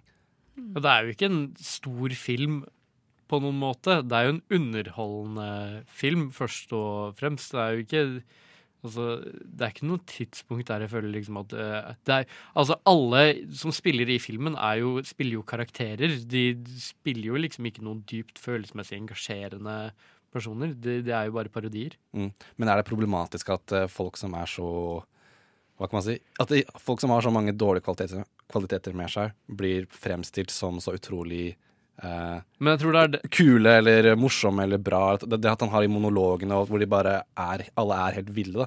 At jeg føler at det er en viss sånn parodi eller satire der som folk kanskje ikke fikk helt med seg. Men, ja, men det, jeg tror det var egentlig det som jeg prøvde å komme inn på, er at når, liksom, når du har de her utprega karakterene, når du har de stereotypene Det er alltid noen som liksom typ, Som har noe sånn ja, så Det er slemt å si, beklager, men som har litt sånn mangler, eller som kanskje ikke har så mye dybde under overflaten, som liksom ser de her folkene som bare er overflate, og tenker at ja, det der er eh, Det der er eh, noe jeg eh, liksom til a, a, Jeg mister ordene her, men ja, at det er noe sånn appellerende for folk som kanskje ikke helt har så behov for å se ting i dybden eller være kritisk etc. Så Det virker nesten som at de, det er også det som hvis du sa, at det er det Fight Club også sliter med. At det går nesten ikke an å lage sånne filmer fordi folk skjønner det bare ikke. Det går at Du prøver så å lage så, så- Også med Daily Vogue blir misforstått og tatt av neonazister. ikke sant? Sånn type ting. Det, og Wally, som du tror faktisk har en dyp mening, men som egentlig bare var en kjærlighetshistorie. Det virker som at ingen av disse filmene egentlig treffer helt på det de ønsker. Men det er jo på tilskueren, da. Alt det der Ja. hviler på tilskueren. Du kan ikke lage film hvis du liksom skal være redd for hvordan det skal tolkes. Jeg tror mye av poenget med denne var egentlig bare å underholde og vise en sånn uh, syk historie, og, og hvordan det på et vis som regel ikke ender så altfor godt. Uh, men så kan man Det blir litt sånn meta, da, for at det ender jo på en måte godt for eh, karakteren når han igjen da sikkert tjener penger på bøker av opplevelsen sin. At han Ja. tjener på det, og filmen osv. Men i kontekst av filmen så ser han jo ganske sliten og potetsk ut eh, på slutten her. Helt true. Og eh, Bjørn, sell me this pen. Eh, ja. Eh, write uh, down my name, eller noe sånt. Altså, ja. The man supply, motherfucker. Ja. Ja. Den er en film som jeg føler sånn, Det er kapitalismen og hvordan det kan gå helt til helvete hvis du blir altfor uh, oppslukt. Eh, vi er snart over i anmeldelsen av Sorry to Bother You, av, som du skal anmelde, Ina. Mhm. Først skal vi høre I'm On Top av Oda.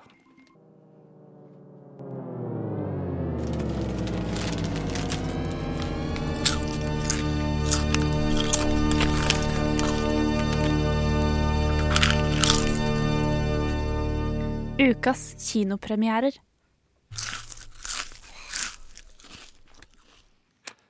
Smattelyder er digg. Uh, du, Ina, har vært og sett Sorry to Bother You. Og en film som jeg har hørt mye om og gledet meg mye til, men som jeg ikke egentlig vet hva er for noe. Nei, eh, fordi det som er litt eh, morsomt med den, er at den eh, Arthouse er jo den som eh, de som har kjøpt den opp og skal selge den i Norge eh, på kinoer. Eh, men de var egentlig litt usikre på at de skulle ta den. De, når de først så den, så var de litt sånn dette er ikke så veldig spennende. Men så har den fått så utrolig mye gode tilbakemeldinger i USA, og masse, masse snakkis. Så da fikk de den, egentlig veldig plutselig at den har kommet eh, til Norge nå. Og den handler da om eh, Cassius Green, eh, som en ung mann eh, som får seg jobb som telefonselger. Og samtidig som han bygger seg opp i det selskapet, da, så forandrer forholdet hans eh, til både venner, kjære og omverden.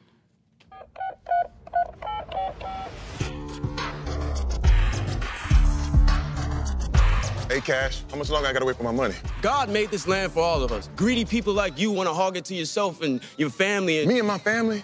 Yeah. Cassius, I'm your uncle. I just really need a job. 40 on two. This is telemarketing. Stick to the script. Hey, hello. Um, Mr. Davison, Cassius Green here. Sorry to bother. Let me give you a tip. You want to make some money here? Use your white voice. My white voice. I'm not talking about Will Smith's wife, like this young blood. Hey, Mr. Kramer. This is Langston from Regal View. Ja, det var da et klipp fra traileren eh, til Sorry to Bother You. Dette er Butch Rileys eh, aller første eller debutfilm. Han er egentlig bare Han er, liksom, han er rapper og er egentlig blitt kjent bare for å lage soundtracks i filmer før. Så det er ja, og veldig kult at han har fått så mye respons på sin aller første film. Eh, og Cassius da, han vil liksom bli jobbe seg opp i det telefonselskapet. da, Telefonsalgsselskapet. Og da er liksom toppen av isfjellet, det er eh, da eh, powerceller, som de kaller det. Og jeg har faktisk en eh, fortid som telefonselger. I hele to måneder så jobbet jeg som eh, telefonselger. Det var det verste jeg har vært med på i mitt liv. Ja. Jeg har prøvd meg som eh, telefonintervjuer, faktisk. Og det Jeg merka at det var så ah, Nei, det var, det, du føler at du bare selger sjelen din til eh, Ja, det, er helt jævlig. Ja, nei, Det er ikke noe gøy, og alle er sinte på deg. Og jeg brukte falskt navn fordi jeg ville ikke at noen skulle f tenke at, eh, jeg, at Ina var den som faktisk ringte. Så jeg, jeg har ikke jobba som det, men jeg har vært på intervju. Eh, det du har vært. vurdert det, liksom. Jeg har vært inne i bygget og sett hvordan det fungerer, og funnet ut at nei, jeg tror jeg heller er blakk. Det er ikke noe gøy. Og, men da er det også hos, eh, der jeg jobbet, da, så var det sånn at eh, de som selger strøm, det er de som er, er de beste, da. Og da var det liksom sånn fristende med sånn Ja, hvis du gjorde det veldig bra, sånn Ja, nå kan du vurdere, og kanskje Det er de som tjener mest, da. Og det er det jeg trodde power seller også betydde i uh, Sorry to Bother men det får vi egentlig aldri vite hva de faktisk selger før litt senere. Så det er litt sånn mysterisk, da. Så power seller er egentlig bare sånn de beste. Uh, og jeg kjenner meg Eller det er så utrolig godt fortalt, da. Den delen med som telefonselger. Det er trist og fælt. og Uh, Lakeith Stanfield, som spiller Cassius Green, han fra Atlanta og Get Out, uh, er kjempe, kjempegod og veldig sånn utrolig laid back, men samtidig Du forstår liksom frustrasjonen hans. da, Det at han bor i eh, garasjen til onkelen sin eh, sammen med kjæresten sin eh, Tessa Thompson. Eh, eller hun ka- kalles Detroit da, eh, i, eh, i filmen. Eh, og- jeg synes det er når, mens han bygger seg opp, da, så blir han introdusert til um, flere sånn små karakterer. Og det er der jeg syns mye av problemet til filmen ligger. At det er egentlig bare Cashes og Detroit du syns er spennende. Uh, det er også Army Hammer er også med, uh, som spiller og- Nå ble det litt mye her, men filmen uh, er veldig kritisk. Den er veldig samfunnskritisk, og den tar for oss alt fra politivold, segregering, grådige bedrifter og påvirkningskraften til kapitalisme.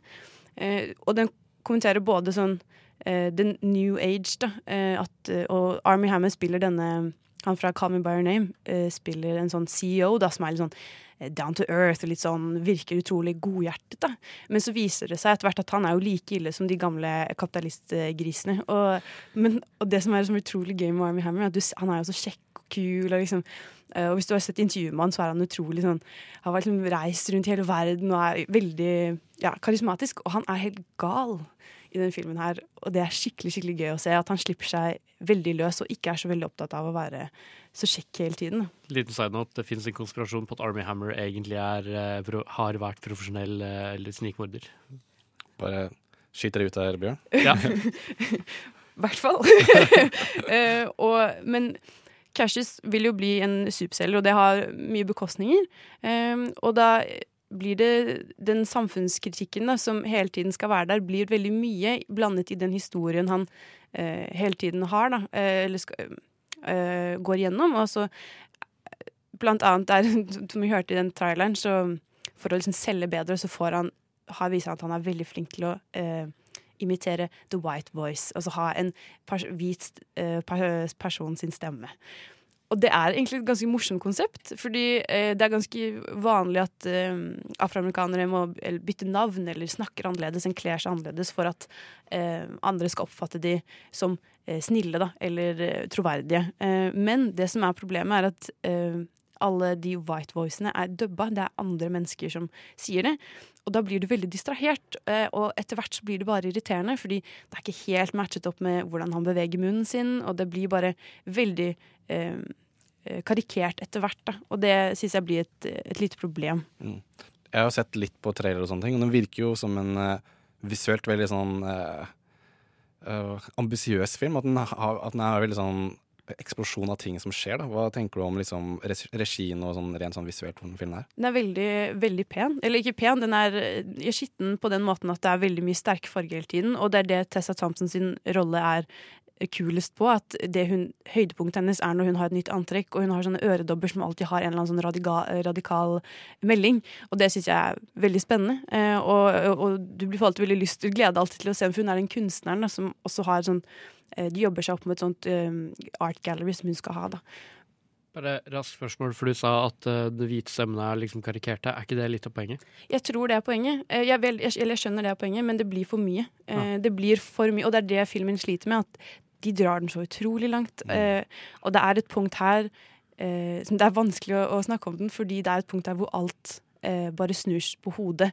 Eh, og derfor jeg ikke kan fortelle mer om den, fordi da blir filmen noe helt annet. Og kan på en måte også sammenlignes med Get Out, hvor det er en, liksom en veldig sprikende sjangerdefinisjon, eh, eh, og er veldig samfunnskritisk. men og er, drar den veldig langt, men det er samtidig Du kunne trodd på det. Det er Ja. et eller annet som er litt, sånn, litt troverdig med det. da Så karakter, Ina, hva har du lyst til å gi denne filmen? Jeg synes det er vanskelig, for det er, det er en komedie, og den er veldig morsom. Eh, samtidig som jeg blir liksom hengt opp i de småtingene. Eh, men kjempegøy, og folk bør absolutt se den.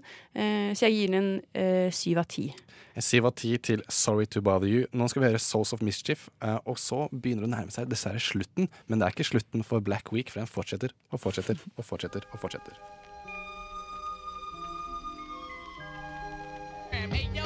Souls of Mischief med Step to My Girl, og nå begynner det å nærme seg veis ende for eh, i dag. Men Nova Noir, vi er her neste uke også, vi. Og i dag så har vi snakket om kapitalisme, konsumerisme i tro, eller i uh, anledningen Black Friday og Black Week. Hva, altså, hva tenker dere om i morgen? Hva skal dere gjøre, egentlig? Nei, jeg tenker jeg kanskje jeg skal se Hvorfor of Wall Street på nytt igjen. Ja. Jeg fikk lyst til å se den igjen. Hva med deg, Bjørn? Jeg, jeg skulle ønske det fantes en bar der jeg kunne sitte og se på folk handle vilt. Jeg skulle Ja. ønske det var en bar på kjøpesentrene. Nei, ikke skadefryd. Du bare syns det er interessant. Jeg liker, eh, jeg liker konsumerisme, jeg liker kapitalisme. Det er interessant. Jeg liker å se på sånne YouTube-videoer av folk som går amok på Black Friday sånn etterpå, når det har skjedd. Og jeg syns det er litt sånn rart at dette har kommet til Norge også. Altså, er vi så gærne, altså? Jeg Jeg synes bare, jeg trodde Jeg det bare var USA, jeg. Jeg har gått og venta på det. Vi, vi kopierer jo bare USA. Vi tar jo til oss alle Sånn som Valentine's Day og all sånne type ting. Vi bare tar til oss alle Eller Singles Day, som var for noen uker siden. Det er jo fra Japan, det? Eller Kina, jeg er ikke helt sikker. Men i hvert fall, det er jo sånn, vi tar jo bare til oss masse sånne ti, eh, eh, tradisjoner for å tjene mer penger. Jeg liker det. Black Friday, Halloween. eh, gjerne feira thanksgiving òg, hvis jeg hadde muligheten. Eh, Ja, det hadde du sikkert. Du er en del av problemet, Bjørn. Men eh, i hvert fall, i dag har vi snakket om ulike filmer fra ulike tiår. Vi har snakket om They Live, eh, Fight Club, Wolf of Wall Street og Wall-E. Og så har vi anmeldt eh, Harajuku, som Sondre ga syv av ti. Og Sorry to Bother You, som du anmeldte, Ina, som du også ga syv av ti. Mm. En film som du anbefaler, men som kanskje er litt eh, spesiell for de som bare vil ha en helt vanlig film å se på. Vi er tilbake neste uke. Mitt navn er Tage, og jeg har hatt med meg Ina og Bjørn, også kjent som BK. Vi ses neste uke klokka 10 til 12 på Radnova. Ha det bra. Ha det bra. Ha det bra!